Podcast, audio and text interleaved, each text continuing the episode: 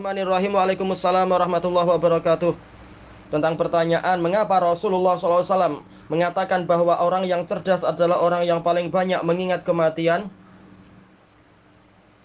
Hadis ini diriwayatkan di antaranya adalah oleh Imam Al-Hakim An-Naisaburi di dalam Mustadrak dari Ibni Umar radhiyallahu anhuma ini yang kalau tak salah anak ingatnya demikian dan hadisnya Hasan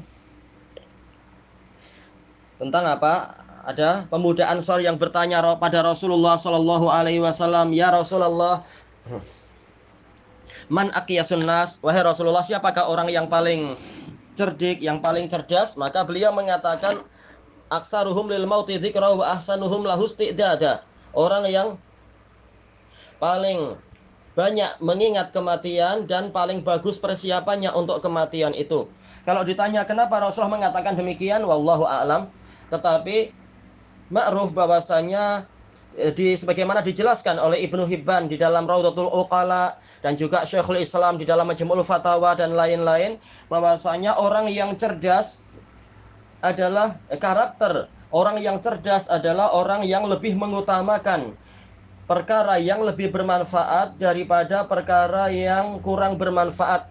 Dan dia lebih berusaha menjauh dari kemudaratan dan berusaha untuk mendapatkan kemanfaatan. Inilah orang yang cerdas. Dan tatkala dunia ini adalah sesuatu yang fana, sesuatu yang singkat dan akan segera hilang, kenikmatannya pun kenikmatan yang sangat sedikit bercampur dengan berbagai kesusahan dan dia tahu bahwasanya kehidupan yang setelah itulah kehidupan yang hakiki, kehidupan akhirat, maka Orang yang cerdas dia lebih banyak mengingat sesuatu yang hakiki, yaitu apa? Kehidupan akhirat. Kalau di dunia saja perlu nafkah, di akhirat lebih perlu nafkah lagi. Kalau di dunia saja orang perlu persiapan, di akhirat lebih memerlukan persiapan lagi.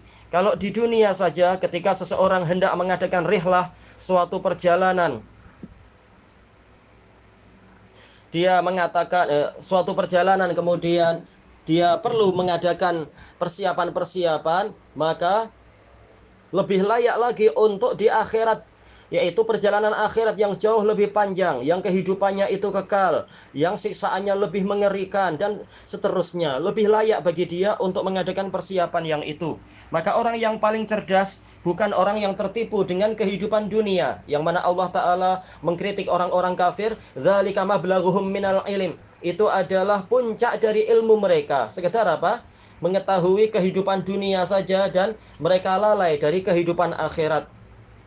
Tayyib. Itu adalah orang kafir yang Allah sifatkan sumumbuk menu'am yung fahum la yaqilun. Mereka uh, buta, tuli dan bisu maka mereka itu adalah tidak berakal. Berarti orang mukmin, orang yang akalnya bagus adalah orang yang lebih mengutamakan akhirat daripada dunia, lebih banyak persiapannya untuk akhirat daripada urusan yang di dunia. Kalau di dunia saja persiapan itu perlu, apalagi yang akhirat, apalagi kehidupan yang akhirat. Dan seterusnya, di antaranya adalah yang seperti itu. Wallahu a'lam walhamdulillahi rabbil alamin.